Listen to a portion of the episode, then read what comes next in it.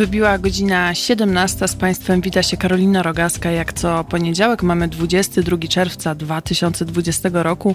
Wybory prezydenckie zbliżają się wielkimi krokami i dzisiaj trochę będzie o wyborach, ale przede wszystkim o ludziach, którzy nie są ideologią. Serdecznie zapraszam.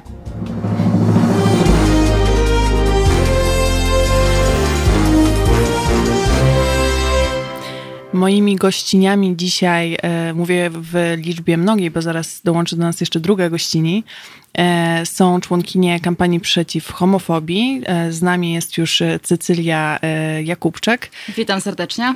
Cześć. I dołączy niebawem Mirka Makuchowska, ale to jeszcze jak dołączy, to ją jeszcze raz zapowiem, tak się oglądam, czy może gdzieś tam już nie stoi za moimi plecami, ale jeszcze, e, jeszcze nie.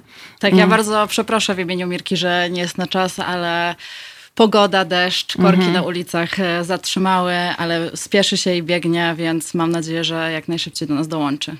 Tak, ja dzisiaj chciałam e, Uberem tutaj dotrzeć do studia, ale jak zobaczyłam, jakie są czasy dojazdu, to stwierdziłam, że szybciej dojdę, bo mam przez łazienki tylko przychodzę e, i zajmuje to jakieś 20 minut na Uberem, jadę 5 minut, ale było szybciej po prostu. I zgrzałam się przy tym strasznie. I się cieszę, że mamy studio klimatyzację. E, to się da jakoś e, oddychać.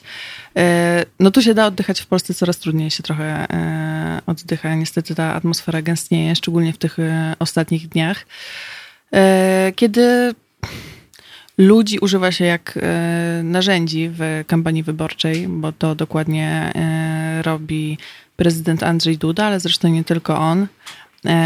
Inni politycy Prawa i Sprawiedliwości też chętnie jakby to rozgrywają. No i wy jako kampania przeciw homofobii postanowiliście zareagować. E, I niebawem ruszy wspaniała kampania, e, w której też mamy przyjemność e, jakby wspomóc trochę medialnie, może to będzie dobre słowo, bo jakby wykonaliście kawał pracy. Jakbyś mogła opowiedzieć trochę, o czym to będzie? Tak, y, ostatni czas dla, dla nas, dla kampanii przeciw homofobii, nie będę ukrywać, nie jest najłatwiejszy. Mm, żeby nadążyć za tym, co dzieje się na scenie politycznej, no to często dostajemy zadyszki, ponieważ e, informacje homofobi o homofobicznych wypowiedziach e, polityków i polityczek, bo to nie tylko panowie, również panie wtórują e, Andrzejowi Dudzie, powoduje to, że pracujemy niemalże w trybie 24 godziny e, na dobę, ale nie bylibyśmy, nie były bylibyśmy sobą, e, gdyby poza komentowaniem tego, co się dzieje na scenie politycznej, gdybyśmy nie zrobili czegoś po swojemu, tak? Mhm. E, gdybyśmy nie narzucili w trochę takiej sytuacji narzucenia też własnej e, narracji. I stąd narodził się u nas w organizacji pomysł spotu, spotu, który nosi tytuł Jestem LGBT, jestem człowiekiem. Działaliśmy naprawdę po prostu na jakichś turbo, super szybkich obrotach, żeby to wszystko zorganizować, ale nasza społeczność, społeczność osób LGBT, pozwolę sobie rozwinąć ten skrót, na pewno wszyscy znają, ale jakoś tak czuję, że to trzeba za każdym razem, mm. żeby nadawać ludzką twarz, czyli e, społeczność lesbijek, gejów, osób biseksualnych i transpłciowych jest bardzo zaangażowana, bardzo zmobilizowana, jest silna, niezwykle silna mimo tego, co się obecnie dzieje i odpowiedziała na nasz apel, a apel polegał na tym, że nie chcieliśmy zrobić takiego tradycyjnego spotu kampanii społecznej, gdzie, nie wiem, grają aktorzy albo nawet y, prawdziwe osoby. Aktorzy też są prawdziwymi osobami, ale y, gdzie y, występują ludzie we swoim własnym imieniu. Mhm e, żeby po prostu chcieliśmy dać podmiotowość osobom, które są nawet już nie uprzedmiotowane, ale są odczłowieczane. I poprosiliśmy ludzi o to, żeby nagrali krótkie filmiki, gdzie wprost do swoich telefonów mówią: Jestem LGBT, jestem człowiekiem. I czasu było naprawdę niewiele, bo daliśmy morderczy deadline, zresztą partnerom, o czym wiecie, Halo Radio dobrze wie również. E, e, I w te kilka dni, cztery dni mieliśmy, bo też tak komunikowaliśmy, że mamy tylko cztery dni. W te cztery dni dostaliśmy ponad pół tysiąca filmików e, z całej Polski niewykluczone, że również spoza, ale osób, e, osób LGBT, osób z naszej społeczności, które mówią wprost do kamery, że są ludźmi i jak tutaj, nim weszłyśmy na antenę, mm. powiedziałam ci, że dla mnie to jest w ogóle, e, no wychodzi poza granicę mojego serca, mojej głowy to, że ktokolwiek musi udowadniać, mówić to, że jest człowiekiem, ale z racji tego, jak prowadzona jest kampania mm. Andrzeja Dudy, e, no po prostu nasza społeczność jest do tego zmuszona i tych filmów było mnóstwo. Ekipa, która się zdecydowała tym zająć, z którą zresztą już mieliśmy okazję współpracować przy okazji innej naszej akcji, czyli Tęczowego Piątku. Może część z Was widziała nasze wideo, które nagraliśmy przy tamtej okazji, mhm. a to mhm. takie gwarancja tego, że to będzie dobre.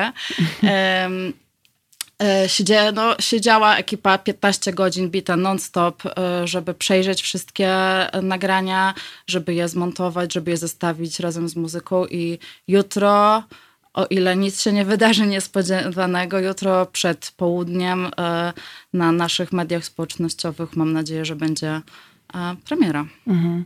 No, nie mogę się doczekać, bo myślę, że to też będzie taki. E, zdaje się, że zwykły komunikat, bo tak jak mówisz, trochę to jest dziwne, że w XXI wieku w Polsce ktokolwiek mówi, e, musi mówić, że jest człowiekiem. E, ale myślę, że to będzie jakoś mocne, no bo i mam nadzieję, że to dotrze przynajmniej do niektórych polityków, którzy zobaczą twarze tych osób. Chociaż jak wiemy, e, Bart Staszewski z Miłość nie wyklucza z kolei był, był u prezydenta i pokazywał mu zdjęcia nastolatków, które popełniły samobójstwo ze względu na homofobię. No nie zrobiło to na prezydencie wrażenia niestety. Tak, tak, to jest w ogóle porażające, bo e, Bart rzeczywiście pojawił się w Pałacu Prezydenckim ze zdjęciami Dominika z Bieżunia, Kacpra z Gorczyna i Milo z Poznania. I to, że ktoś, no nawet mu, nie wiem, powieka nie zadrży, e, gdy ogląda zdjęcia młodych osób, które z powodu tej homofobii, która jest podsycana i transfobii podsycana przez władzę, nie mhm. czuje się w ogóle wezwany do tablicy i nie powie tego prostego tak naprawdę słowa przepraszam. Mhm. Tak, bo podpiera się tym, że jest e, że jest wolność słowa. E, tutaj na naszym forum na YouTubie też przypominam zresztą Państwu, że mogą Państwo pisać i na forum na YouTubie i na e, Facebooku i dzwonić pod numer 22 39 059 22 albo pisać na teraz małpa halo.radio. Już się pojawiają e, komentarze. Pan Ryszard pyta, gdzie i kiedy ten film, to może powiedzmy jeszcze raz, że zapewne jutro przed południem. Tak, e, ta, tak, taką mam nadzieję, że, że utrzymamy ten termin, bo jak mówię, e, ta nasza akcja to jest niestandardowa, jeżeli chodzi o nas w tym kontekście, że jednak my działamy z, zgodnie ze strategią, nasze działania są długofalowe, planowane z wyprzedzeniem, ale też y, reagujemy, kiedy coś się dzieje tu i teraz, żeby być taką żywą organizacją, mhm. która rzeczywiście odpowiada na to, co się zadziewa w, w świecie obok nas. Więc y, tak, jeżeli wszystko pójdzie zgodnie z planem, to jutro 11 na Facebooku kampanii przeciw homofobii, naszym Instagramie, Twitterze i YouTubie pojawią, pojawi się spot, ale też e, zapewne i u Was, e, tak. na, na, Waszych, e, czyli Halo Radio, mediach społecznościowych, bo zaprosiliśmy naprawdę bardzo dużo partnerów wśród organizacji. Praktycznie wszystkie tęczowe organizacje mhm. nam zdążyły odnieść się w tak krótkim czasie i też sporo patronów medialnych, bo no, zależy nam na tym, żeby, żeby to był głos z jednej strony strony głos y, naszej społeczności, naszych wszystkich mhm. organizacji, ale też zależy nam na tym, żeby wychodzić po to, poza tą bańkę, w której e, no, internetowo gdzieś e, funkcjonujemy, bo wiadomo, że e, odbierają nas głównie ci, którzy mhm. zgadzają się z naszymi poglądami plus zwarta i zawsze gotowa grupa troli internetowych. Tak. Oni też są, ale ponoć się mówi, że jak są trole, to znaczy, że, że twój głos jest silny i, i budzi emocje, więc odbieram to pozytywnie. Tak mówię trochę pół żartem, pół serio. Więc tak, bardzo nam zależało na tym, żeby jak najwięcej osób, organizacji, mediów to włączyć, żeby pokazać, że to nie jest tak, że tylko my się z tym nie mhm. zgadzamy, co się obecnie zadziewa jako organizacja, która która działa na rzecz osób LGBT, ich rodzin i bliskich, ale że razem z nami stoją też e, inni, który, którzy mówią po prostu dość, którzy mówią stop. I my mamy tam też taki e, call to action, czyli wezwanie do działania w tym spocie. Idź na wybory. Mhm bo wydaje mi się, przynajmniej za mojego e, życia, młodego, e, że to są chyba najważniejsze z mojej perspektywy wybory, w których e, będę miała mhm. e, okazję głosować i że te różnice procentowe w sondażach są tak małe, że naprawdę każdy głos tutaj się liczy, więc mam nadzieję, że y, wszystkie osoby, które nas słuchają, nawet nie trzeba przekonywać, że trzeba do tych urn wyborczych iść. No tak, bo to, co się zadzieje podczas tych wyborów, y, w znacznej mierze ukształtuje e, przyszłość tego, przyszłość polityki polskiej, tego, jak ta scena polityczna się będzie dalej e, rozwijała, więc też zachęcam do głosowania w najbliższą niedzielę 28 czerwca.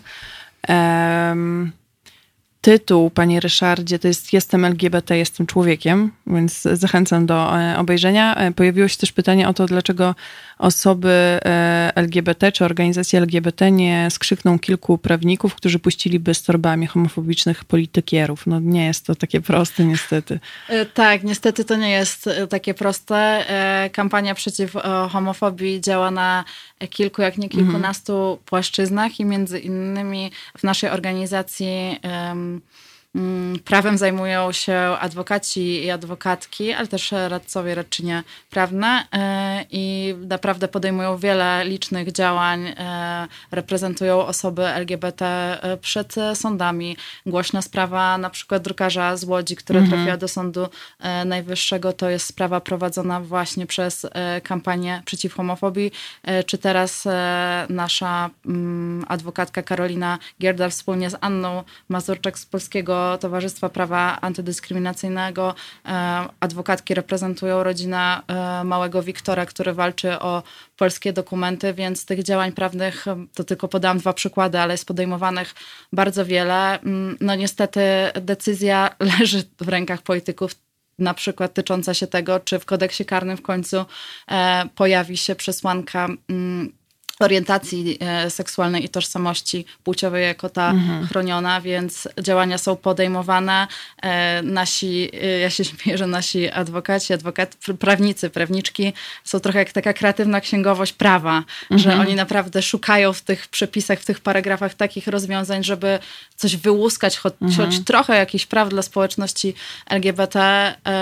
No ale mm, reakcje na nasze działania potrafią być takie, jak w przypadku właśnie drukarza e, z Łodzi, mhm. gdzie z kodeksu wykroczeń e, został usunięty e, ten zapis, który pozwolił chronić osoby LGBT mhm. przed dyskryminacją, jeżeli chodzi o dostęp do usług. Więc tutaj trochę się też rozgrywa taka mm, sytuacja pomiędzy tym, że albo skorzystasz z tych rozwiązań, i zrobisz to, ale nie wiesz nigdy, czy po prostu y, minister sprawiedliwości nie stwierdzi wtedy, że wykona mhm. przysłowiowy telefon do Trybunału Konstytucyjnego mhm. i już y, danego zapisu prawnego, który był chronił, nie będzie. No tak, w obliczu obecnej e, władzy i obecnego rządu, który jakby trzeba to powiedzieć wprost, jest dość mocno homofobiczny, e, no zawsze jest to ryzyko po prostu, bo jednak umówmy się, że Polska coraz mniej demokratycznym krajem jest i e, dość łatwo też e, osoby na stanowiskach ministrów mogą tym e, prawem, które jakoś definiuje to, jak mamy funkcjonować na co dzień w świecie, żonglować. Tak, żonglować to jest bardzo, bardzo dobre, dobre słowo, ale to jest żonglowanie nie tyle prawem, co też po prostu zwyczajnie ludzkim życiem. No, dokładnie tak. A teraz posłuchamy linii nocnej. To jest powtórka programu.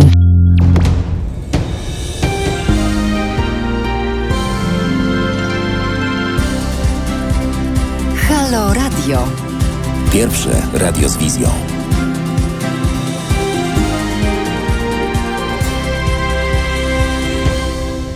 17.18 e, wybiła, do nas dołączyła druga e, gościni Mirka Makuchowska. Dzień dobry. Dzień dobry, witam wszystkich. E, rozmawiamy o, no właśnie, o nowej kampanii, e, właściwie robionej tak na ostatni moment, reagując bardzo na to, co się dzieje w kraju. Mm, e, I o spocie, który jutro już będzie można obejrzeć i który myślę, że z pewnością zrobi, zrobi wrażenie, bo tak jak już Cecylia mówiła, jak go oglądała, to, to, to jest No mocna rzecz, że trzeba mówić ciągle w tych czasach o tym, że e, osoby LGBT są ludźmi. To jest jakby przerażające. Mm. I też się zastanawiam, bo jakby oglądałam sobie dzisiaj też to, co się działo na wiecach Andrzeja Dudy. Tutaj trochę też wchodzi młodzieżowy strajk klimatyczny, mhm. ale jednak były też osoby z tęczowymi flagami. E, I widziałam taką nienawiść i taką agresję, że po prostu chciało mi się płakać, jak patrzyłam na te filmy. E, I też zastanawiam się, jak wy się w tym wszystkim odnajdujecie, tak po prostu na takim poziomie emocjonalnym, jak sobie radzicie, czy macie może jakieś rady, jak sobie radzić z tą sytuacją, która jest tak trudna? Hmm. Sytuacja jest, jest, bardzo trudna i dla nas, jak dla nas, bo jesteśmy organizacją i to jest mhm. nasza praca. Y Mamy takie szczęście, że jesteśmy wynagradzani za tą pracę. Bardzo wiele osób, które pracuje aktywistycznie, po prostu robi to po godzinach. Co nie powoduje, że dla nas, że dla nas jest, e, jest to jakieś łatwe.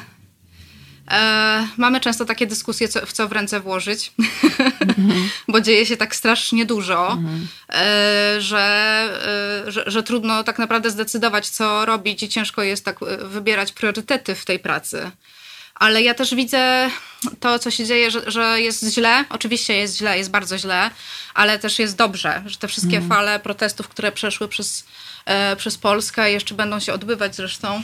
E, I to ludzi bardzo często takich, którzy wcześniej nie byli zaangażowani, e, którzy się nie udzielali w organizacjach, czy też nie mają takiej dużej potrzeby jakiegoś zaangażowania mhm. politycznego, mm. to wychodzą na ulicę z flagami i, i się albo solidaryzują, albo są osobami LGBT, więc jakoś tak na trochę bym rozłożyła te akcenty mhm. na, e, e, na, na te dobre rzeczy, które się dzieją. A to, co mi się wydaje, że pomaga, to co mi na pewno pomaga, to bycie z ludźmi w tym czasie. Znaczy, żeby się, mm.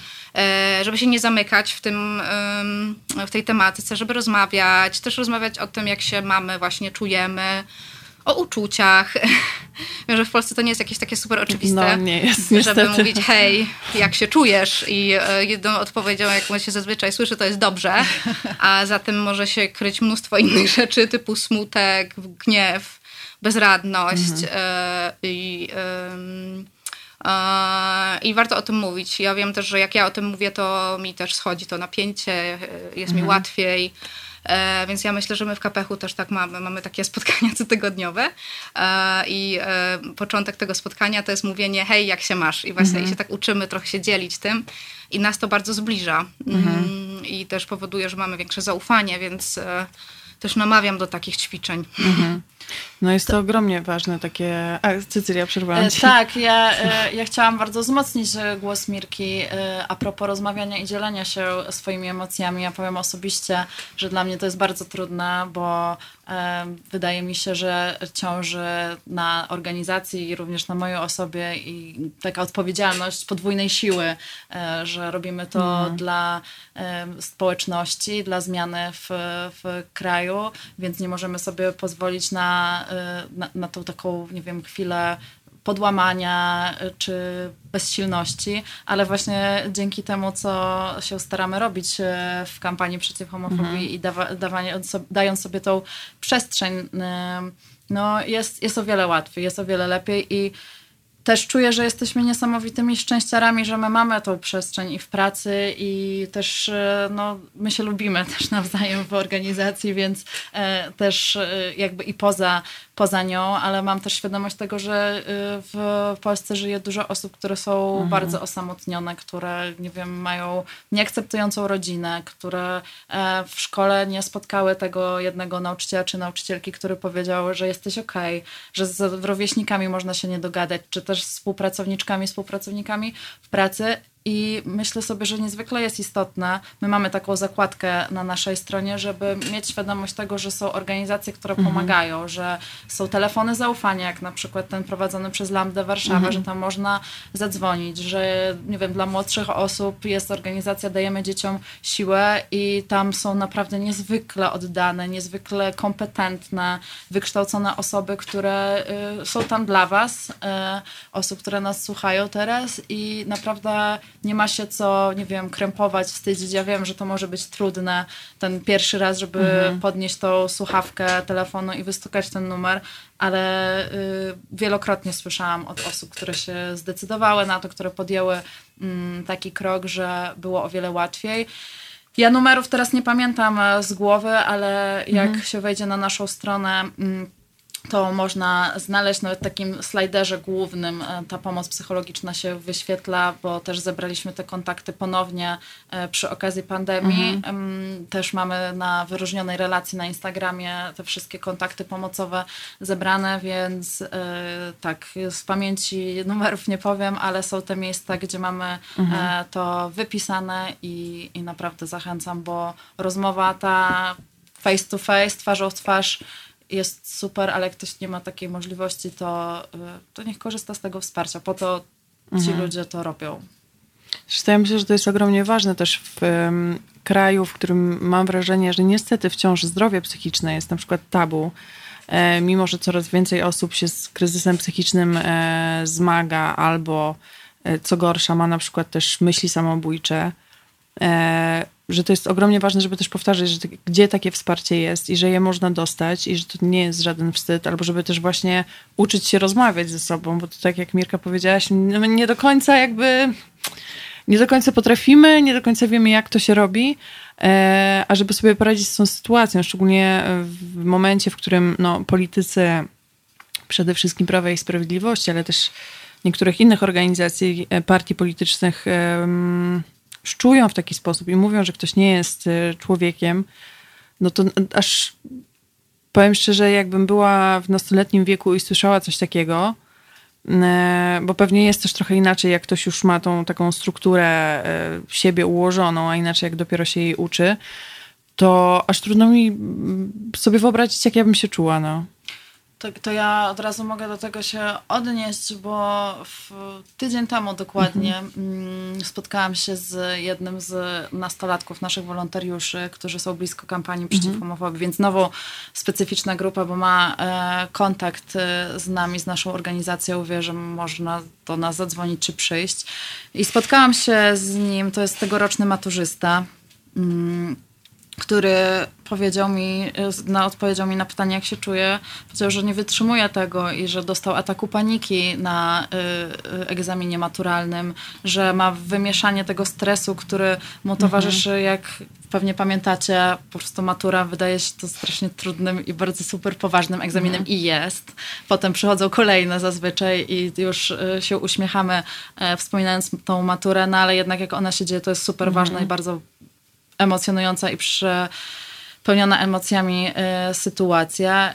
Y, no i co? I taki nastoletni chłopak, zamiast koncentrować się na tym, żeby jak najlepiej zdać egzamin, żeby mieć te nerwy z takiego standardowej półki nerwów, które towarzyszą mhm. maturze, musi konfrontować się jednocześnie z emocjami, które generuje w nim to, że prezydent kraju, w którym on właśnie zdaje y, egzamin dojrzałości, odmawia mu człowieczeństwa. Mhm. No i efektem tego jest to, że dostaje tego ataku paniki i nie jest w stanie się skoncentrować na wypełnianiu arkuszy y, egzaminacyjnych i chciałabym bardzo po prostu, żeby te wszystkie informacje mhm. o tych wszystkich sytuacjach, bo ja znam tą jedną historię, podejrzewam, że ich jest wiele, wiele więcej, żeby Andrzej Duda, Joachim Brudziński e, i cała reszta po prostu to usłyszała i może spotkała się i spojrzała już nie na zdjęcia, ale na e, prawdziwych e, nastolatków e, się skonfrontowała mhm. po prostu z tym, jakie to ma konsekwencje dla życia mhm. tych dzieci, bo to są dzieci nadal. No jest to dla mnie tak. To też w ogóle bardzo nie gra, kiedy Prawo i Sprawiedliwość mówi, że chce bronić rodzin i chce bronić dzieci, a mówi takie rzeczy, które też bardzo dzieci dotykają i nastolatków, więc to się w ogóle jakoś nie zgrywa. E, albo też mówienie, że prawa osób LGBT to jest temat zastępczy. To się pojawiło podczas debaty ostatniej prezydenckiej. Nie wiem, czy e, oglądałyście. E, a według mnie to był to jedno pytanie, to był jedyny temat, który nie był zastępczy w trakcie tych wszystkich pytań e, na debacie, bo jakby pytanie o to, czy przygotowywać dzieci do komunii na lekcjach religii w szkole, albo pytanie o szczepionki, które jeszcze w ogóle nie istnieją, więc e, i według mnie to był jedyny ważny temat poruszony tam, A od osób, które odpowiadały w e, tej debacie, nawet jeśli e, Trzaskowski czy, czy Hołownia wspomnieli o tym, że chcą wprowadzić związki partnerskie, że podpiszą jakby ustawę o związkach partnerskich, to przewijało się, że to jest temat zastępczy. I też przypominam sobie, jak ja sama ileś tam już lat temu się zaczynałam interesować społecznością LGBT, jakoś pisać o niej, mam wrażenie, że ta dyskusja po prostu cały czas jakby jest gdzieś w tym miejscu i mówienie o temacie zastępczym albo mówienie o tym, że to jeszcze nie czas. E, no tak, no, to, to, co jest ciekawe, to chyba nie jest dobre określenie, ale to, w jaki sposób się instrumentalizuje naszą społeczność, mhm. jest, jest takie bardzo symptomatyczne i e, w momencie, kiedy my podnosimy głos i mówimy, że chcemy e, po prostu więcej praw, więcej po prostu takich praw mhm. jak, jak reszta społeczeństwa, to mówi się nam, że jesteśmy tematem zastępczym, a w momencie, kiedy PiS wyciąga nas e, e, jako temat przewodniej kampanii, bo chce ugrać więcej głosów,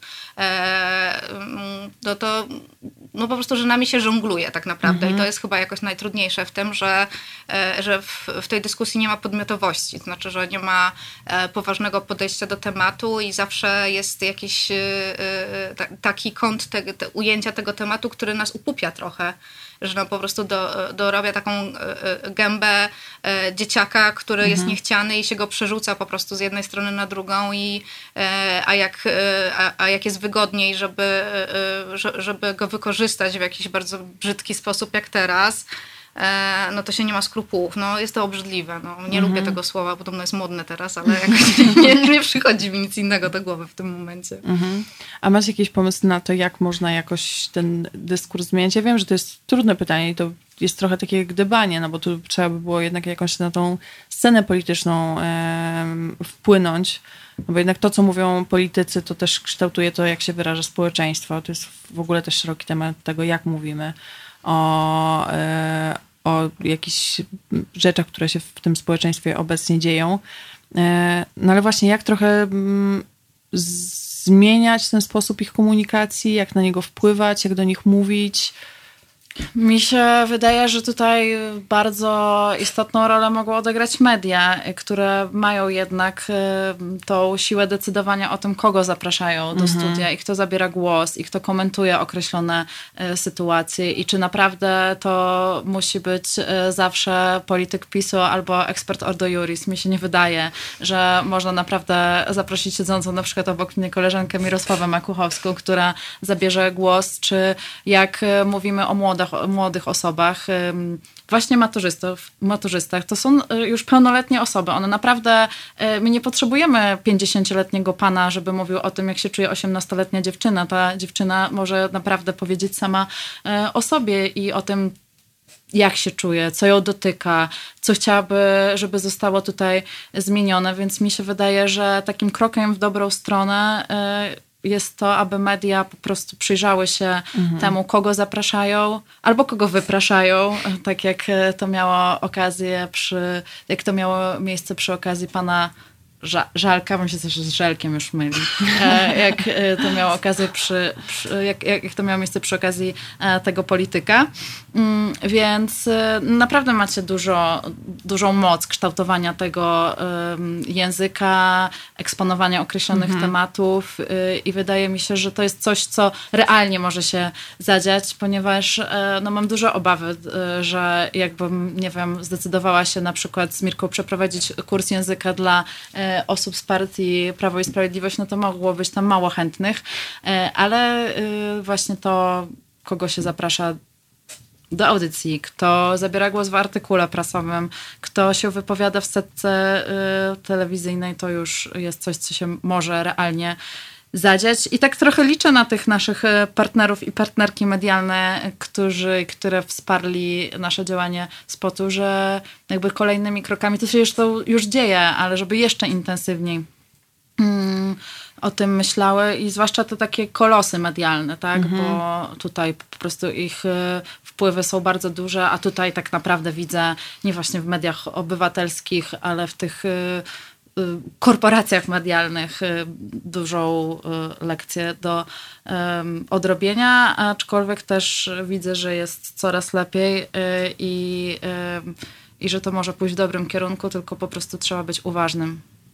No tak, to jest też takie, to jest też taka dyskusja i często pada ze strony mediów właśnie, w których też zresztą pracuję, bo pracuję w różnych mediach, ale taki argument, że trzeba dać głos wszystkim, ale według mnie, jeśli wiemy, że ktoś się będzie posługiwał mową nienawiści i robił to już kilkukrotnie, no to to nie jest dawanie przestrzeni na y, wypowiedzenie się tak zwanej drugiej stronie, tylko no to jest właśnie dawanie przestrzeni na rzucenie hejtem.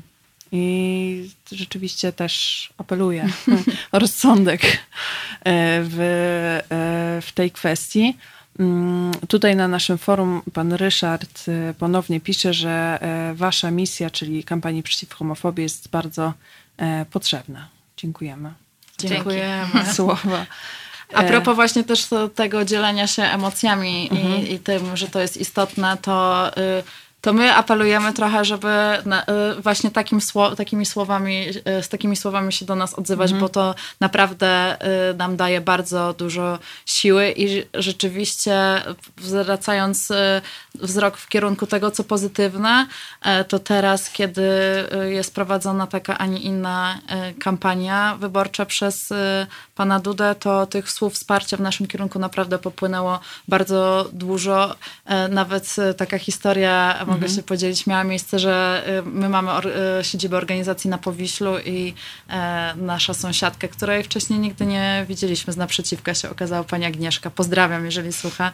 Pani Agnieszka przyszła do nas z bukietem kwiatów, zalana łzami i, y, i z przeprosinami, że że my młodzi żyjemy w takim kraju i że się jest strasznie wstyd, ale że ona nas strasznie wspiera e, i właśnie dała nam ten bukiet kwiatów i takie gesty są, y, mhm. myślę, dla nas jako aktywistek i aktywistów niezwykle ważne i dodające siły, więc y, mówmy sobie nawzajem dobre rzeczy, nie tylko już teraz mówię w kontekście mhm. do nas jako organizacji, ale też jeżeli ktoś ma w swoim bliskim otoczeniu mm, kogoś, kto doświadcza dyskryminacji na różnym tle, przecież to, co się mhm. dzieje w kontekście e, na przykład Black Lives Matter, to mhm. też odzywajcie się i po prostu mówcie to zwyczajne, jesteś okej. Okay. Mhm.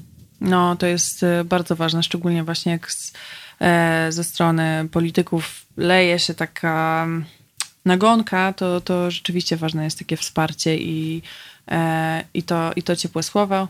Tutaj pan Michał na Facebooku z kolei przypominał, że mogą Państwo komentować na Facebooku, na YouTubie i dzwonić e, pod numer 22 39 059 22. Na Facebooku pan Michał za, zażartował, że ekspert Ordo Juris to jest przykład oksymoronu. Coś w tym jest. E, a teraz Temptations. Słuchajcie powtórki programu.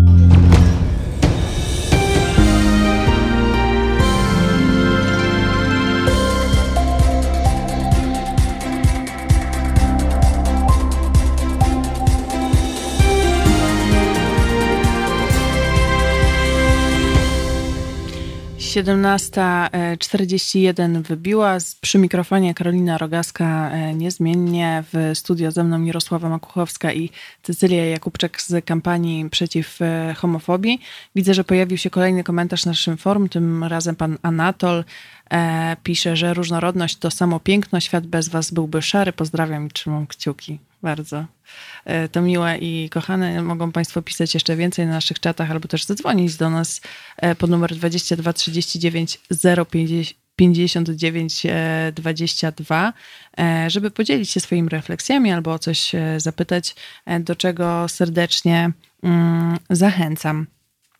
Ja też się zastanawiam nad taką rodzajem pracy aktywistycznej czy działania, i rozmów z osobami, bo to mi się jakoś wydaje często najtrudniejsze i niestety czasem się daje wciągać w takie dyskusje w internecie, chociaż się staram tego nie robić, ale jest to czasem silniejsze ode mnie.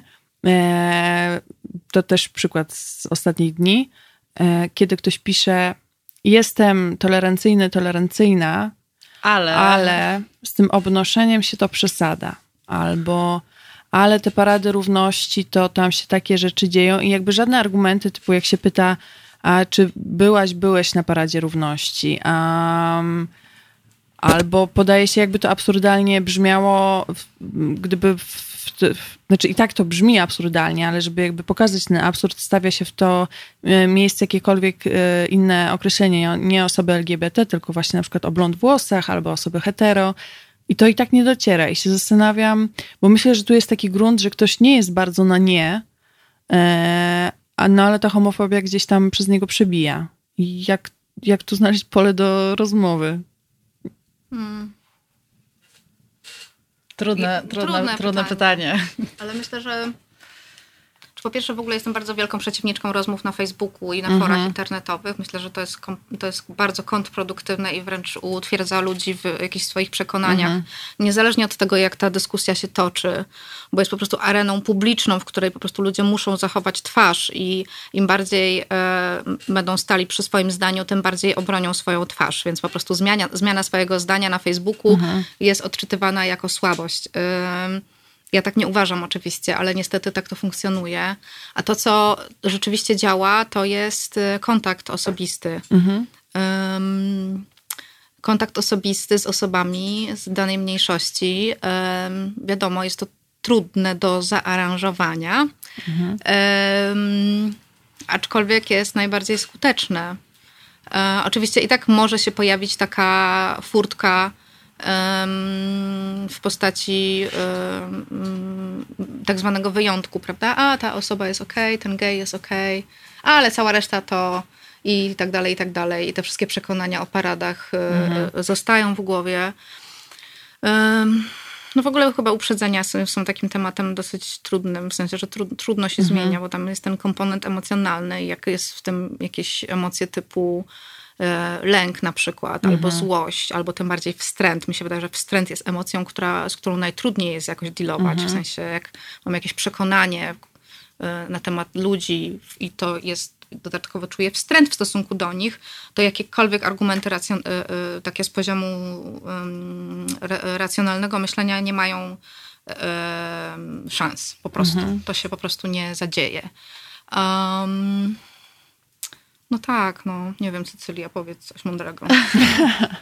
E, ja chcę e, do tego dodać, bo też się zgadzam z Mirko, że nic nie zastąpi kontaktu bezpośredniego i też w taki sposób przez lata e, działaliśmy, działałyśmy jeżdżąc do mhm. różnych miejscowości, organizując happeningi uliczne, tak jak na przykład Popieram Związki, czy uczestnicząc w festiwalach i takich, które naprawdę ściągają ludzi z mhm. różnych y, światów, jak y, Poland Rock teraz. Y, I to były zawsze bardzo ważne doświadczenia tego rozmowy, dialogu, który był nawiązany, nawiązywany często z osobami o dużym poziomie uprzedzeń i uwag, delikatnie mówiąc, względem społeczności ale też y, ostatnimi czasy z racji tego, że żyjemy w, w świecie pandemii, y, no to pewne rozwiązania jakby zostały ucięte mhm. I, y,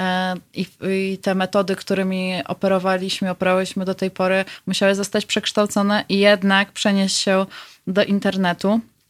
I takim przykładem działania, które mm, podejmujemy w czerwcu, e, jest akcja 30 twarzy dumy, mhm. zorganizowana z okazji Miesiąca Dumy, bo dla osób, które może tego nie wiedzą, to czerwiec jest takim mhm. super ważnym miesiącem dla e, społeczności LGBT, bo jest właśnie miesiącem dumy, upamiętniającym e, zamieszki w klubie Stonewall w Nowym Jorku, e, które, które, które to są uważane za początek ruchu emancypacyjnego mhm. osób LGBT i e, czerwiec to też e, miesiąc para, dlatego nasza warszawska Parada Równości zawsze odbywała się w czerwcu. I tak, i mamy mm, akcję 30 twarzy dumy, w ramach której systematycznie publikujemy filmiki osób ze społeczności LGBT, które mówią o sobie, mhm mówią o tym, z czego są dumne i mówią, spod której literki są, bo mhm. chcemy pokazywać po prostu ludziom prawdziwe twarze osób, które mają rozmaite zainteresowania, które mają rozmaite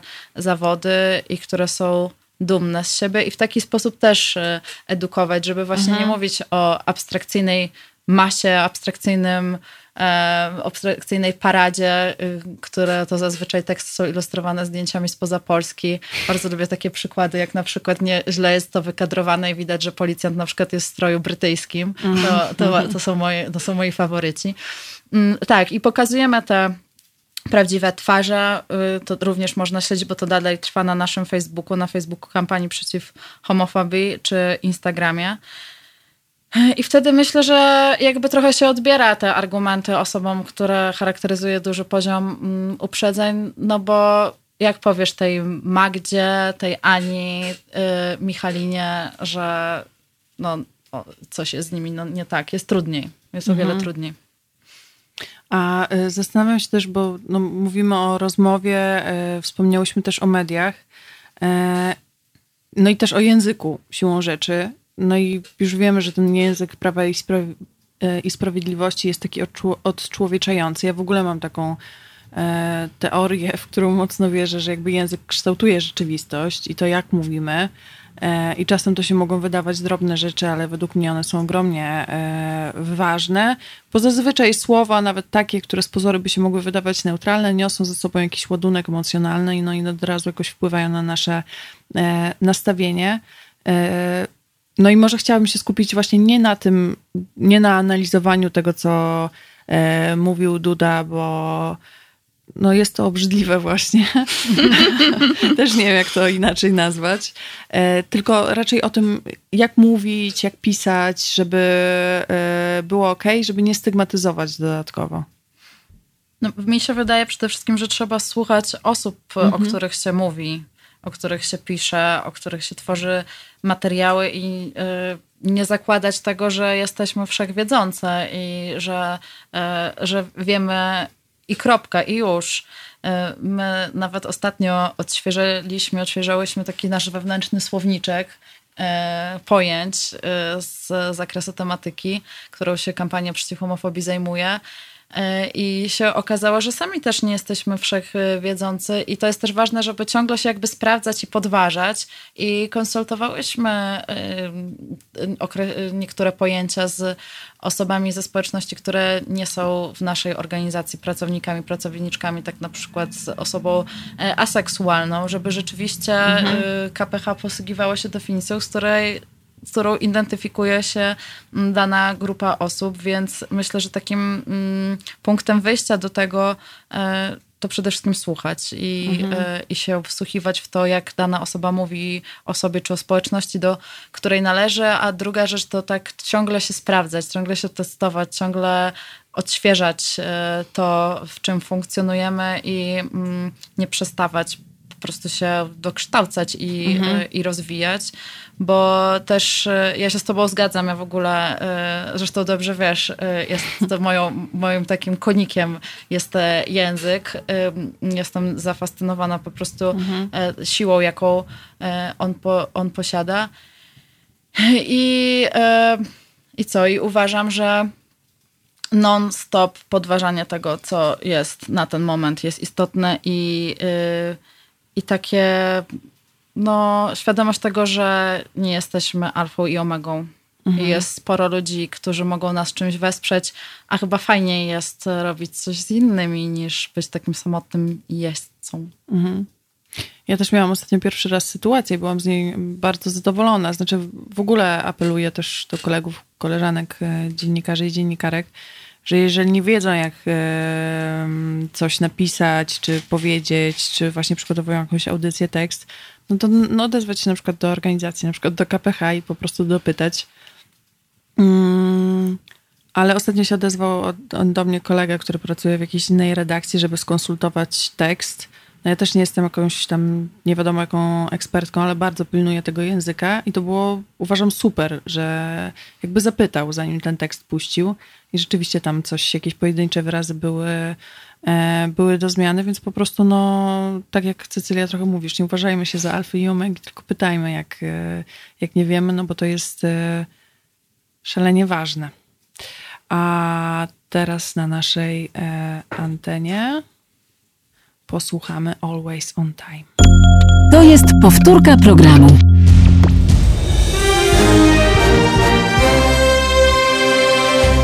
Halo Radio. Gadamy i trochę gramy.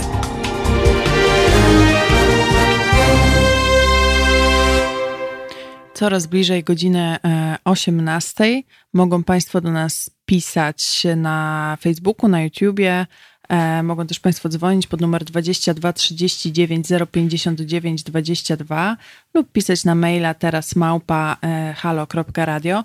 Mogą też Państwo wpłacać na e, naszą kampanię. E, chcemy pokazać, ile kosztuje nas Kościół katolicki, a kosztuje dużo i niestety te pieniądze pozwalają mu między innymi na e, ukrywanie e, większych i mniejszych e, przewinień. Chcemy zrobić taką kampanię billboardową. Wystarczy, że wejdą Państwo na stronę zrzutka.pl ukośnik kampania i tam znajdą Państwo wszelkie szczegóły, do czego zachęcam, no bo jesteśmy Radiem Obywatelskim i to od Państwa wsparcia, wszelkie nasze akcje i to, jak funkcjonujemy, zależy. I oczywiście miłe słowa też dobrze widziane, bo to jest jednak coś, czego się nie da wycenić. Eee, właśnie, słowa, słowa, słowa, słowa i o słowach mówimy dalej i o tym, że e, z kolei te złe słowa, ja też trochę unikam mówienia, jakie to są złe słowa i przytaczania po raz kolejny tych wypowiedzi, bo mam wrażenie, że już one tyle razy zostały e, przytoczone i się tyle razy pojawiły w mediach, że jakby nie chciałabym po prostu dokładać i, bo to jakoś mhm. zapada zawsze w głowach. No ale w każdym razie myślę, że większość z Państwa przynajmniej wie, o, jakie, e, o czym mówimy. Mm, no one przynoszą efekty e, w postaci takiej homofobii już odczuwanej bardzo fizycznie i bezpośrednio. Tak, my w naszym oświadczeniu, które KPH wydało tuż e, po pierwszych wypowiedziach prezydenta Dudy, zwracałyśmy między innymi uwagę na to, że prezydent będzie miał krew na rękach i teraz e, on już nie będzie miał krwi na rękach, on tą krew ma. I ten weekend, który właśnie jest za nami, przyniósł takie homofobiczne żniwo, ponieważ odbieraliśmy liczne zgłoszenia na temat tego, że ktoś został pobity, mhm. ktoś został zwyzywany. Mm, też e, głośna medialna sprawa jednego z bohaterów programów e, telewizyjnych, który umieścił w internecie mhm. swoje zdjęcia, na których e, jest pobity, bodajże ma złamany nos, a na pewno mhm. mocno uszkodzony i cały jest zalany krwią. Mhm. To są efekty słów nienawiści używanych przez władze, które dają niesamowite przyzwolenie na to, aby stosować przemoc y, i takie też dają poczucie, moim zdaniem, bezkarności. Ja pamiętam w ogóle, jak y, tylko PiS wygrał mm, wybory te lata temu i co się zadziało na naszej skrzynce facebookowej, na skrzynce KPH, kiedy przyszłam do pracy, otworzyłam ją i zobaczyłam bardzo dużo wiadomości i się ucieszyłam, o jak fajnie, tak dużo osób do nas pisze, po czym moja wstępna radość no, zamieniła się w inne rodzaju, innego rodzaju emocje, ponieważ większość tych wiadomości były treści, teraz wam pokażemy, teraz zobaczycie, takiego właśnie przyzwolenia na to, że skoro jest taka władza, to teraz ja mogę mhm. Otwarcie mówić e, o nienawiści, którą żywię względem innych, ponieważ e, ten czy tamten polityk e, mówi, że to jest okej, okay, że można mhm. w taki sposób określać inne osoby. Tak, tak jak Brudziński o tym, że Polska bez LGBT jest najpiękniejsza. Już miałam nie przytaczać, to przytoczyłam, ale po prostu tak mi to podnosi ciśnienie. Eee... Bardzo w ogóle było ciekawe na tym Twitterze e, zdjęcia, które on przy tym e, wrzucił. Jajka. Jakieś jajka z gniazdka tak. i jakaś, nie wiem, jakaś ka kapliczka. kapliczka, czy... tak. tak. Y, Pomyślałam, że tam się... Prawdziwa rodzina była ptasia chyba, że mhm. mama, tata i że to jest piękne, a LGBT nie i jakby nas nie było, to by było najpiękniej. No to jakaś już wyższa forma artystyczna. To już nie odczytałam tego drugiego dnia, ale brzmi to bardzo ciekawie. Czy to jest też e, pan Brudziński chyba zrobił trochę słaby research, bo wśród, e, wśród ptaków też są ptaki homoseksualne po prostu, więc jakby hmm, nie wiem, czy, do, e, czy, czy no właśnie sprawdził to tak do końca i, i dokładnie. Mm. Myślę, że możemy założyć, że nie. Tak. E, pewnie raczej by mu nie zależało na, e, na, na, na, na sprawdzaniu tego. E, jeden z komentujących pisze, że z ludźmi trzeba rozmawiać, a nie demonstrować. No to jest e, kolejny taki rodzaj, nie wiem, mitu. E, bo jakby, no ja mam wrażenie, że trochę często przestrzeni na rozmowy nie ma. A nie mówimy tutaj, jak niektórzy często powtarzają, o przywilejach, tylko o równych prawach. I jeżeli ich nie ma, no to naturalne jest, że się wychodzi i się demonstruje. E, tak jak o prawa pracownicze, o prawa kobiet, no jakby o prawa wszelkich grup, które tych e, praw nie mają, a powinny, no bo właściwie nie ma powodu, dlaczego, e, dlaczego ich nie mają. Ale wspomniałaś o tych atakach.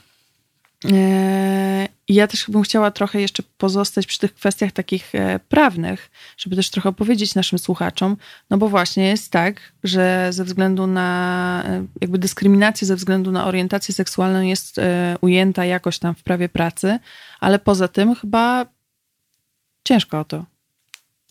Jest w kodeksie pracy i jest w ustawie antydyskryminacyjnej mhm. w kontekście też zatrudnienia, jeśli chodzi o E, umowy cywilnoprawne, czyli umowa o dzieło, umowa zlecenie, tam też jest e, ochrona przed dyskryminacją i nigdzie indziej nie ma. Mhm. Bo zastanawiam się na tym w tym kontekście właśnie tych e, ataków homofobicznych, których ostatnio niestety przybyło. Jak osoby LGBT się po prostu też tak prawnie mogą chronić? No bo jeżeli zgłoszą, nie wiem, nienawiść czy pobicie ze względu na orientację, to szybko mogą im te argumenty zostać w pewnym sensie wytrącone z ręki. Trochę nie wiadomo, co robić. Um, no tak, rzeczywiście, znaczy kodeks karny nie, nie przewiduje jakiegoś, um, nie przewiduje przestępstwa um, z nienawiści na tle orientacji seksualnej albo tożsamości płciowej. Czyli za każdym razem, jak e, dochodzi do takiego przestępstwa, to ten, ta motywacja tutaj pozostaje w pewnym sensie niewidoczna. Mhm. Gdyby tak było rzeczywiście, że w katalog e, tych przesłanek, które chronią mm, przed przestępstwami z nienawiści, włączyć tą orientację seksualną albo tożsamość płciową, to by też ułatwiało sytuację dla osób poszkodowanych, dlatego że wtedy e, cały ciężar prowadzenia e, sprawy i dochodzenia swoich praw jest na państwie, na, mhm. na prokuraturze, a nie na osobie, która jest pokrzywdzona. Mhm. No w tym momencie jest tak jak z każdym innym pobiciem, powiedzmy. To znaczy, że jeżeli jest um, uszkodzenia ciała są powyżej 7 dni, to rzeczywiście jest już wchodzi prokuratura, a w momencie, kiedy e, nie, no to, um, to osoba sama musi dochodzić mhm. swoich praw. No i zazwyczaj z tego um, rezygnuje. więc y, tak, no to nie, nie są. Znaczy, ja, ja bym też jakoś. Y, coraz częściej myślę o tym, że, że to prawo, prawo oczywiście jest super ważne i że ma też taką e, e, funkcję normotwórczą, to znaczy, mhm. że po prostu jak zaczniemy mówić o tym, że jest to zabronione i że jest to nie okej okay, i tak dalej, i tak dalej, to być może po prostu normy społeczne też się będą zmieniać i tych przestępstw będzie mniej. Um, ale koniec końców mi się wydaje, że to się sprowadza po prostu do, do, do, do sytuacji, w której yy, no, ludzie myślą, że to jest ok, żeby kogoś pobić albo, nie wiem, zerwać komuś maseczkę z twarzy, bo jest tęczowa mhm. i w ten mhm. sposób chce zamanifestować coś albo coś, nie wiem, po prostu ma jakąś wewnętrzne napięcie, któremu chce dać ujść w ten sposób. Yy, I to jest klucz problemu, mi się mhm. wydaje. Znaczy, że po prostu już te przestępstwa to są jakąś e, pochodną trochę innego problemu, który jest, jest, jest mm, szerszy. No. Mhm. Mhm. Tak, takich, prawda, norm e, bycia ze sobą w jednym społeczeństwie, tego, mhm. że y, właśnie ktoś się decyduje na to, żeby na kogoś splunąć, kogoś zwyzywać, kogoś kopnąć, nie wiem, zarysować intencjonalnie samochód sąsiada. E, to jest przerażające, że, że tutaj e, po prostu brakuje tego takiego zwykłego wzajemnego szacunku, mm którym, na który zasługuje każdy. I wydaje mi się, że ten, który również sobie pozwala na tą przemoc, też chce być szanowany i niekoniecznie podejrzewam, chciałby czy chciałaby, żeby to samo spotkało mm, jego czy ją, więc mhm. Tak, ja się zgadzam bardzo z Mirką, że z jednej strony jest prawo, ale z drugiej strony są normy, w których funkcjonujemy i że też to, żeby taki dawać mocny komunikat, że nie ma na to przyzwolenia, ale mhm. tutaj też gdzieś wchodzimy na taki poziom tego, co się dzieje, y, jeżeli chodzi o edukację w Polsce i szkolnictwo. I tutaj y, no, PiS działa bardzo sprytnie i mhm. wie, gdzie uderzyć, żeby przepchać swoje i po prostu przekształcić te normy, które funkcjonują w społeczeństwie. Jeżeli młode osoby słyszą, że tęczowy piątek, który polega na tym, żeby okazać innym uczennicom i uczniom LGBT w szkole, że Y, jest tutaj dla nich miejsce, mhm. że, y, że są ok mm, i słyszą, że taka in, inicjatywa jest, no, że nie ma dla niej miejsca mhm. w szkole i nawet jeżeli wcześniej dana placówka się zdecydowała y, zorganizować ten czoły piątek, potem się wycofuje z racji presji wywieranej przez Ministerstwo Edukacji, no to coś tutaj jest nie tak. I tu jest po prostu wiele przestrzeni, gdzie wpływu na mhm. to, jak, jaki mamy problem z przemocą. Nie tylko z uwagi na to, że, że kodeks mhm. karny jest skonstruowany tak, a nie inaczej. No tak, rzeczywiście. To mm, ja często jak dyskutuję o różnych e, sprawach społecznych, czy właśnie takich problemach jak przemoc, czy dyskryminacja, Y, no to wraca ten temat edukacji, która no niestety jest u nas, nie jest rozwijana, jest ograniczana.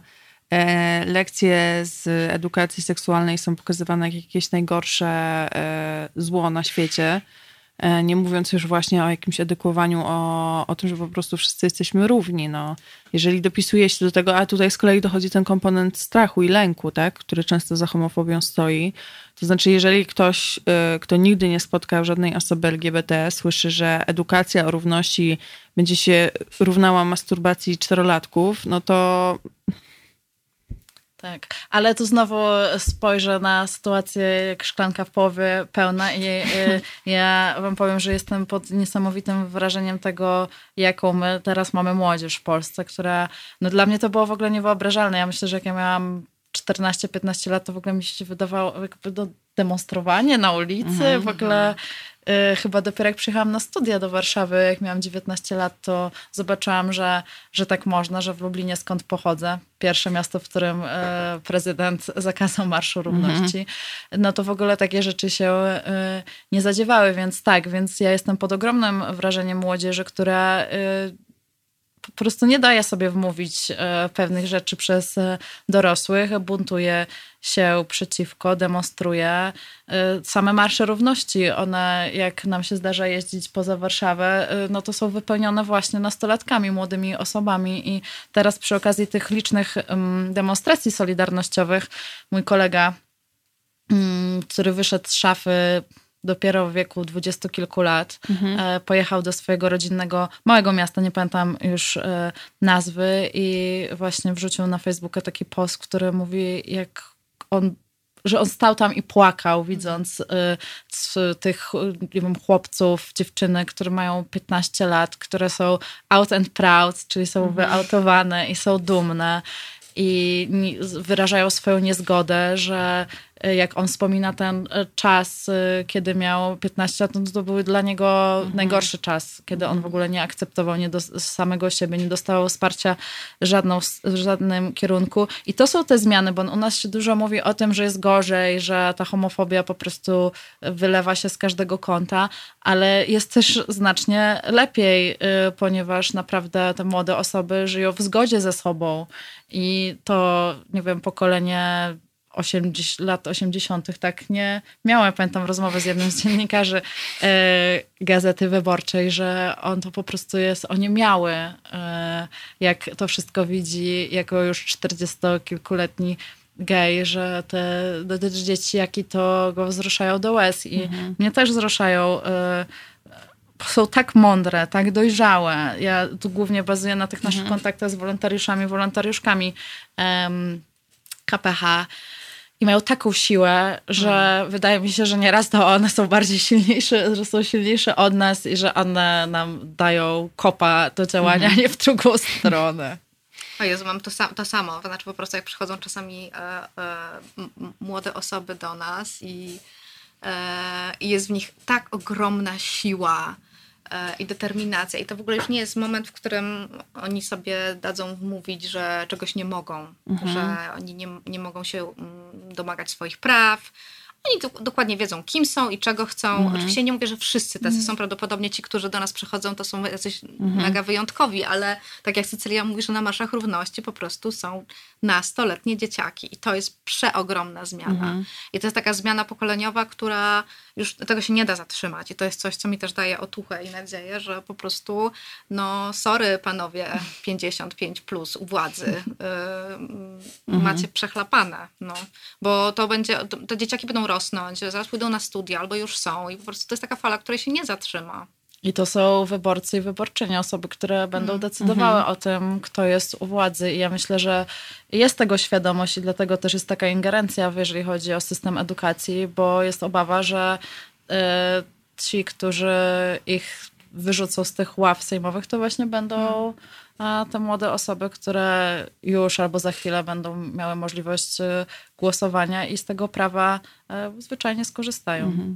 Ale mam, mam dokładnie to samo, co wy, bo no, jakby obserwuję też różnego rodzaju, po, poprzez, nie wiem, młodzieżowy strajk klimatyczny, czy właśnie tych młodych wolontariuszy i wolontariuszki, czy organizacje broniące praw uczniów, w których e, sami uczniowie i uczennice działają.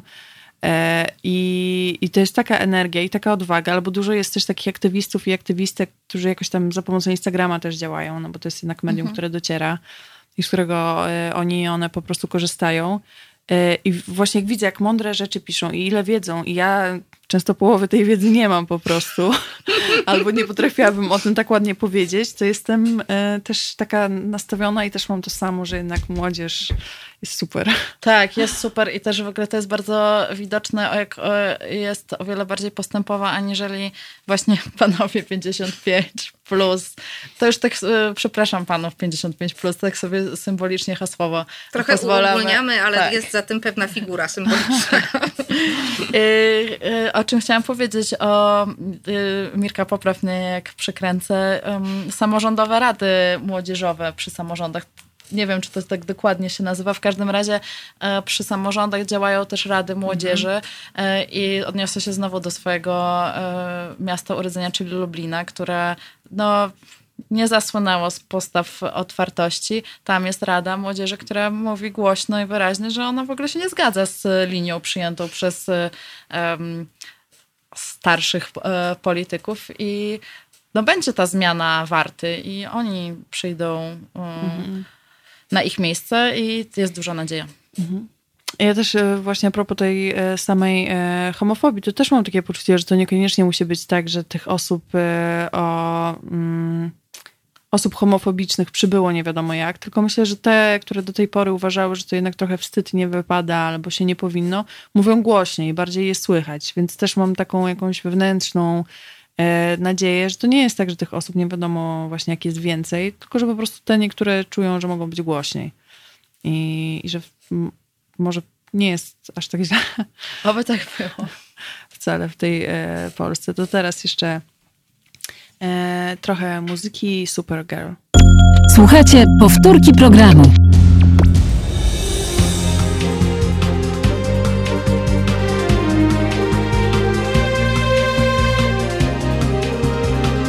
Halo Radio.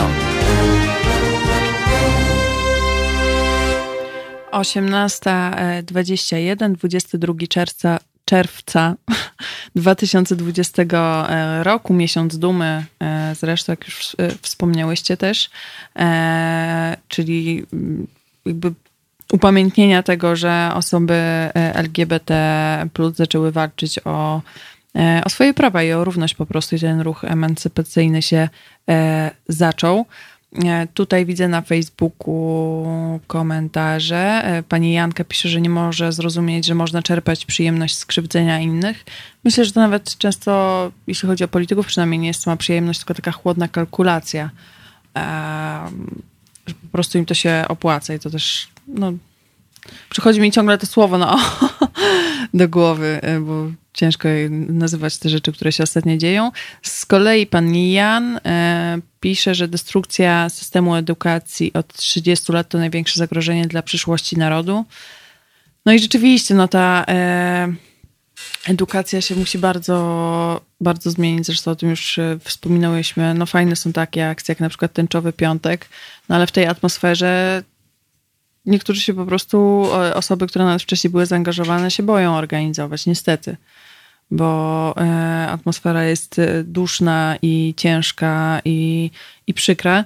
No ale ważne, że się w ogóle e, odbywają i że też w tym roku się udało zorganizować. Tak, dobrze mówię? W tym roku szkolnym. W tym roku szkolnym, tak. Szkolnym, tak, no tak. właśnie. Udało się zorganizować tęczowy piątek i tu znowu, tak jak właśnie mm, ukłony robiłyśmy pod adresem y, młodzieży, to znowu przy okazji tęczowego piątku trzeba zwrócić na to uwagę, że kiedy dorośli, kadra pedagogiczna pod presją y, ministerstwa na przykład rezygnowała z organizacji wydarzenia w swojej szkole, to młodzież i tak ubierała tęczowe skarpetki. Mm -hmm, w ogóle mhm, taki pamiętam mm -hmm. nagłówek w którymś medium, kto, kto się boi dzieci w tęczowych skarpetkach. e, ubierała tęczowe skarpetki nagrywała TikToki mm, czy storiesy na Instagram i świętowała po prostu po swojemu, ale też nie chcę być taka, że dorośli nie dali rady, bo też były szkoły, które nie ulegały presji, mhm. E, były kobiety, dyrektorki, które, e, to też symptomatyczne, e, które mówiły, że nie ma w ogóle tutaj opcji, żeby mhm. zrezygnowały, bo bezpieczeństwo i dobro ich uczniów i uczennic jest dla nich najważniejsze i to moim zdaniem jest taka postawa, którą e, win, powinny reprezentować szkoły. Mhm. No to też jest e, właśnie tak, jak sobie przypominam różne przykłady, no trochę będziemy no właśnie uogólniać a propos tych mężczyzn 55+, plus, ale jakby to samo przychodzi do głowy i po prostu tak, tak e, wychodzi z niektórych przykładów e, życiowych bardzo. No właśnie a propos szkół, jest taka organizacja, która się nazywa Stowarzyszenie Umarłych Statutów i tam też między innymi e, uczniowie i uczennice walczą ze statutami, z zapisami, które są jakby niezgodne z, e, z prawem. Często się pojawiają e, zapisy dotyczące tego, jak się ktoś powinien ubierać i w jednej szkole było tak, że dyrektor właśnie robił problem e, w związku z tym, że e, ktoś nosi nie wiem, jakieś tęczowe naszywki czy cokolwiek, było to też zawarte w statucie, że e, nie wolno. No i po interwencji e, tej organizacji, też nagłośnieniu przez media się e, udało to zmienić. Oczywiście dyrektor tłumaczył, że on przecież nie miał nic złego na myśli, tylko to ktoś kiedyś napisał ten statut i on nie wie o co chodzi. Tak zawsze było, tak? tak. tak. takie podejście. Tak, więc fajne jest to, że młodzież działa. Ale jeszcze chętnie bym zatoczyła takie mm, tematyczne koło e, i wróciła do tematu e, no, spotu, który się jutro e, pojawi, bo tym zaczęłyśmy i myślę, że fajnie jest tym zakończyć i przypomnieć, że on jutro będzie, bo to jest sprawa bardzo ważna. Ponad pół tysięcy filmów, filmików właściwie takich krótkich dostałyście, na, którym, na których osoby mówią, że jestem LGBT i jestem człowiekiem. Tak, y, jutro, y, jak podkreślę jeszcze raz, jeżeli wszystko pójdzie zgodnie z planem, y, to jutro przed południem ten spot ujrzy światło dzienne. Jeżeli nie przed południem, to na pewno jutro, więc obserwujcie nasze media społecznościowe, media społecznościowe kampanii przeciw homofobii, ale też Halo Radio, które udzieliło patronat temu spotowi i które y, zapewne w związku z tym opublikuje też ten materiał y, u siebie.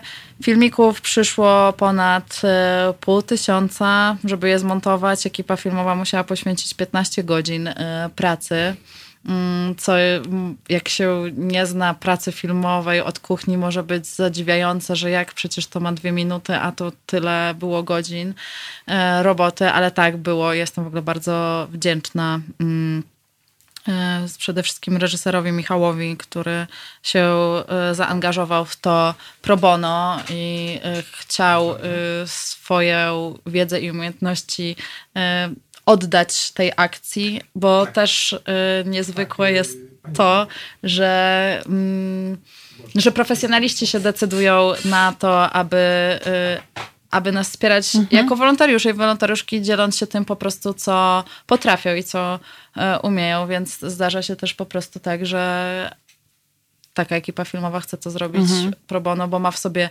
niezgodę na to, co się zadziewa, ma takie tak, umiejętności to jest super, inicjatywa i wspiera, więc, więc tak, więc jutro e, spot jestem LGBT, jestem e, człowiekiem, ląduję na media społecznościowe i jak mogę poprosić, to y, zajrzyjcie do nas i udostępniajcie ten spot, bo bardzo nam zależy na tym, żeby to zobaczyło e, jak najwięcej osób i naprawdę taki, takie każde udostępnienie, czy na Facebooku, czy ważne. na Twitterze, czy na Instagramie jest bardzo ważne.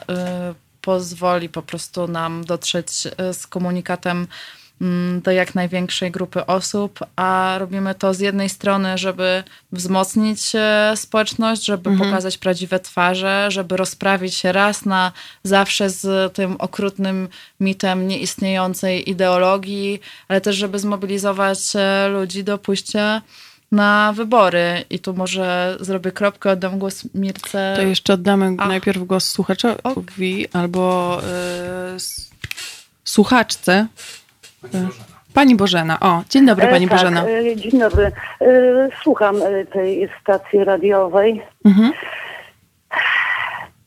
Tak.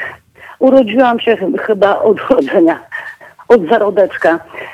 Byłam i jestem i mam nadzieję, że pozostanę humanistką w pełni, mhm. a ja humanistką to lewaczką i dumna jestem z tego. Mhm. Ale tutaj czułam, czułam to już od wielu lat, że e, różne środowiska, e, tam kobiece, nie, walczące o swoje prawa, mhm. E, również środowiska tak zwane LGBT, również, że to, to jest moje środowisko, mhm. w tym sensie bronić, bronić wszelakich, wszelakich praw ludzi. Mhm.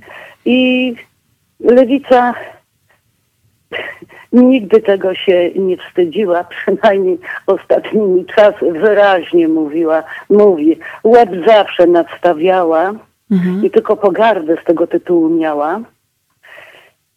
I mówiono posłom, a po co wy mówicie o jakichś tam aborcjach i gejach, a po co wam to, nie? A nie ma innych spraw ludzkich do załatwienia, do walczenia o poprawę tam bytu, wiadomo, tam te podatki, tam te pensje i tak dalej, i tak dalej. I faktycznie tak w ciągu roku do wyborów, nie, różne pretensje do lewicy. A dlaczego się tym nie zajmujecie?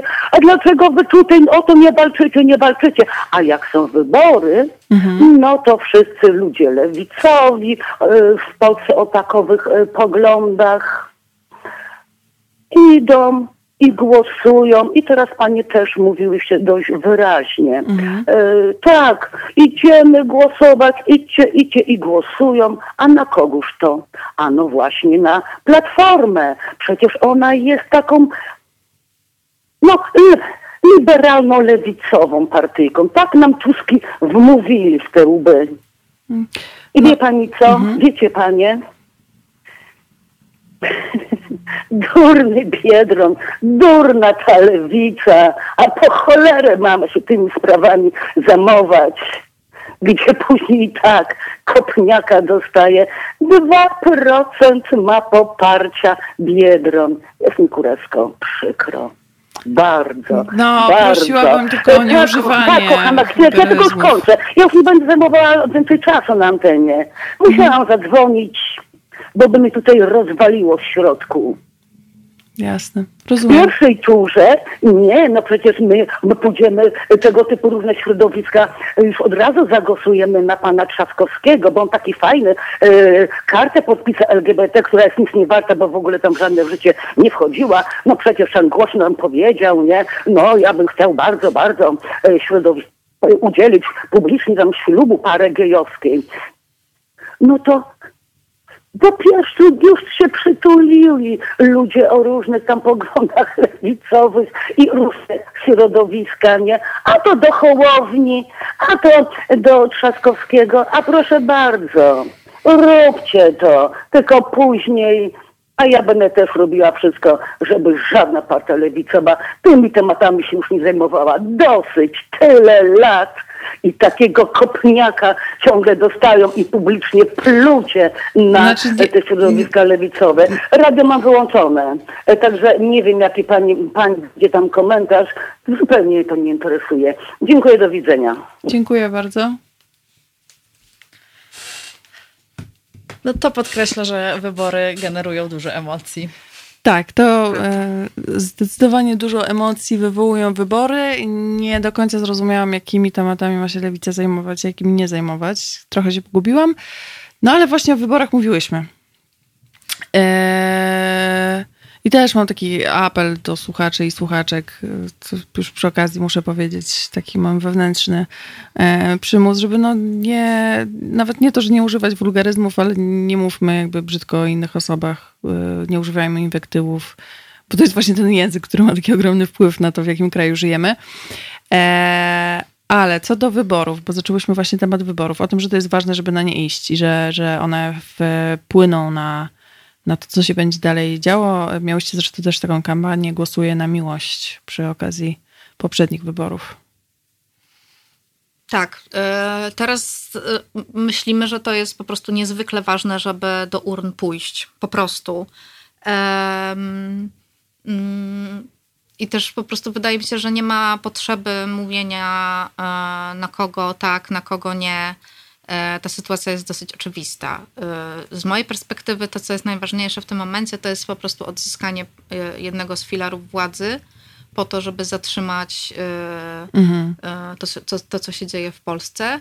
Um, I mamy na to szansę. Mm, Dlatego idźmy wszyscy po prostu do wyborów. Ten spot moim zdaniem jest też dlatego tak dobry, dlatego, że, że widzimy osoby z krwi i kości, które chcą żyć w kraju, w którym się je traktuje jak ludzi, a nie jak e, przedmioty albo em, wręcz, nie wiem, coś niepożądanego.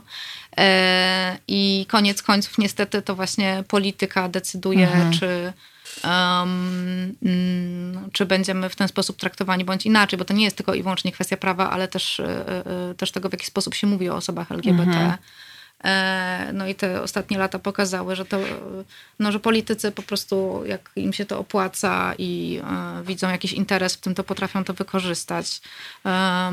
Prawicowi politycy, może dodam, żeby nie było nieporozumień. E,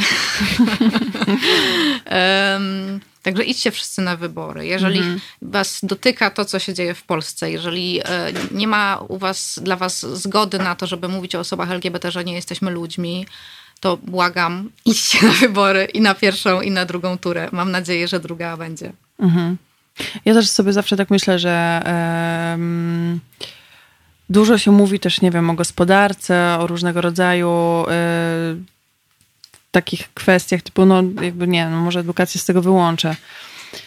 Ale gospodarczo-ekonomicznych. Dużo się razy to podnosi, czy ochrona zdrowia, ale myślę sobie, że prawa człowieka to jest jakaś taka podstawa, która em, jakby mając, gdzieś ostatnio usłyszałam takie zdanie, już nie pamiętam, kto je powiedział, niestety, e, ale e, usłyszałam takie zdanie, że jeżeli osoby mieszkające w danym kraju będą się czuły bezpiecznie i będą szczęśliwe i będą miały poczucie, że te właśnie prawa człowieka podstawowe są jakoś im zapewnione i są zadbane i zaopiekowane, to wtedy mogą też budować jakąś prężną gospodarkę, sprawiać, że ta, y, że ta ekonomia, czy szkoły, czy szpitale będą lepiej działały, ale muszą się najpierw poczuć bezpiecznie i chciane w Polsce e, i czuć, że to jest też ich miejsce, żeby w ogóle mieć jakby ochotę coś e, robić, bo, bo wiem, że to czasem po prostu ręce opadają.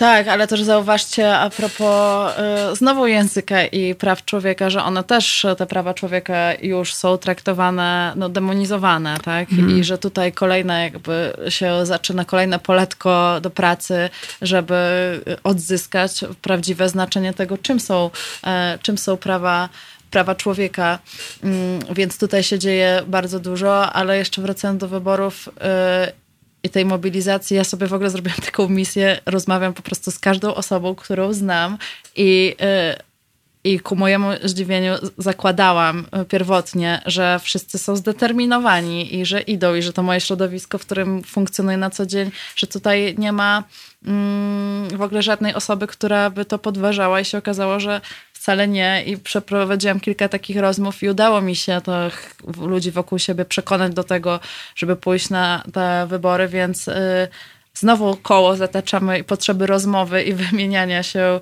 swoimi poglądami e, z innymi. Rozmawiajcie też e, z rodziną, z przyjaciółmi, z bliskimi, współpracownikami mhm. i upewniajcie się, czy pamiętają, jaka jest data, czy wiedzą, że będą w miejscu, w którym mogą głosować. Jeżeli nie, to żeby zorganizowali odpowiednie dokumenty, które e, im to umożliwią to nie jest trudne, tylko jakby jest y, ograniczone terminowo, ale można, można to zrobić y, i załatwić, więc y, tak, więc jeszcze ja tutaj taki apel, żeby zacząć od siebie, to jest niezwykle istotne, ale potem jak już zaopiekowaliśmy się samymi sobą, to żeby też zwrócić innym w naszym otoczeniu mhm.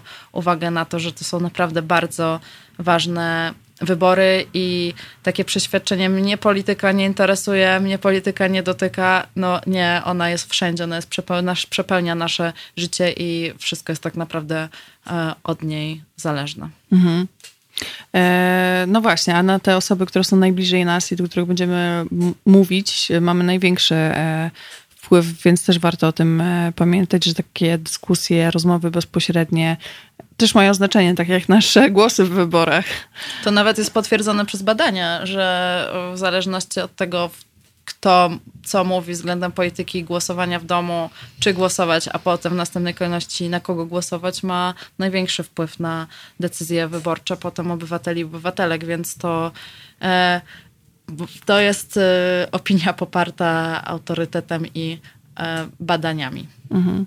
No i też zachęcamy, pamiętajcie, że jutro na e, fanpage'u e, kampanii przeciw homofobii, też u nas na e, Halo Radio będziecie mogli i mogły obejrzeć spot Jestem LGBT, jestem człowiekiem, do czego serdecznie zachęcamy. A moimi gościnami dzisiaj były Cecylia Jakubczak i Mirosława Makuchowska z kampanii przeciw homofobii właśnie. Bardzo dziękuję za rozmowę i mam nadzieję, że możemy trzymać kciuki za to, że po 28 czerwca albo w lipcu po drugiej turze e, coś się zacznie zmieniać e, na lepsze. A najlepiej niech już się teraz zacznie zmieniać na najlepsze, jeśli mogę mieć takie życzenie. E, dzięki wielkie. Dzięki. Dziękuję bardzo. A z Państwem słyszę się i widzę z tymi, którzy oglądają też z wideo już za tydzień w poniedziałek o 17. Do zobaczenia.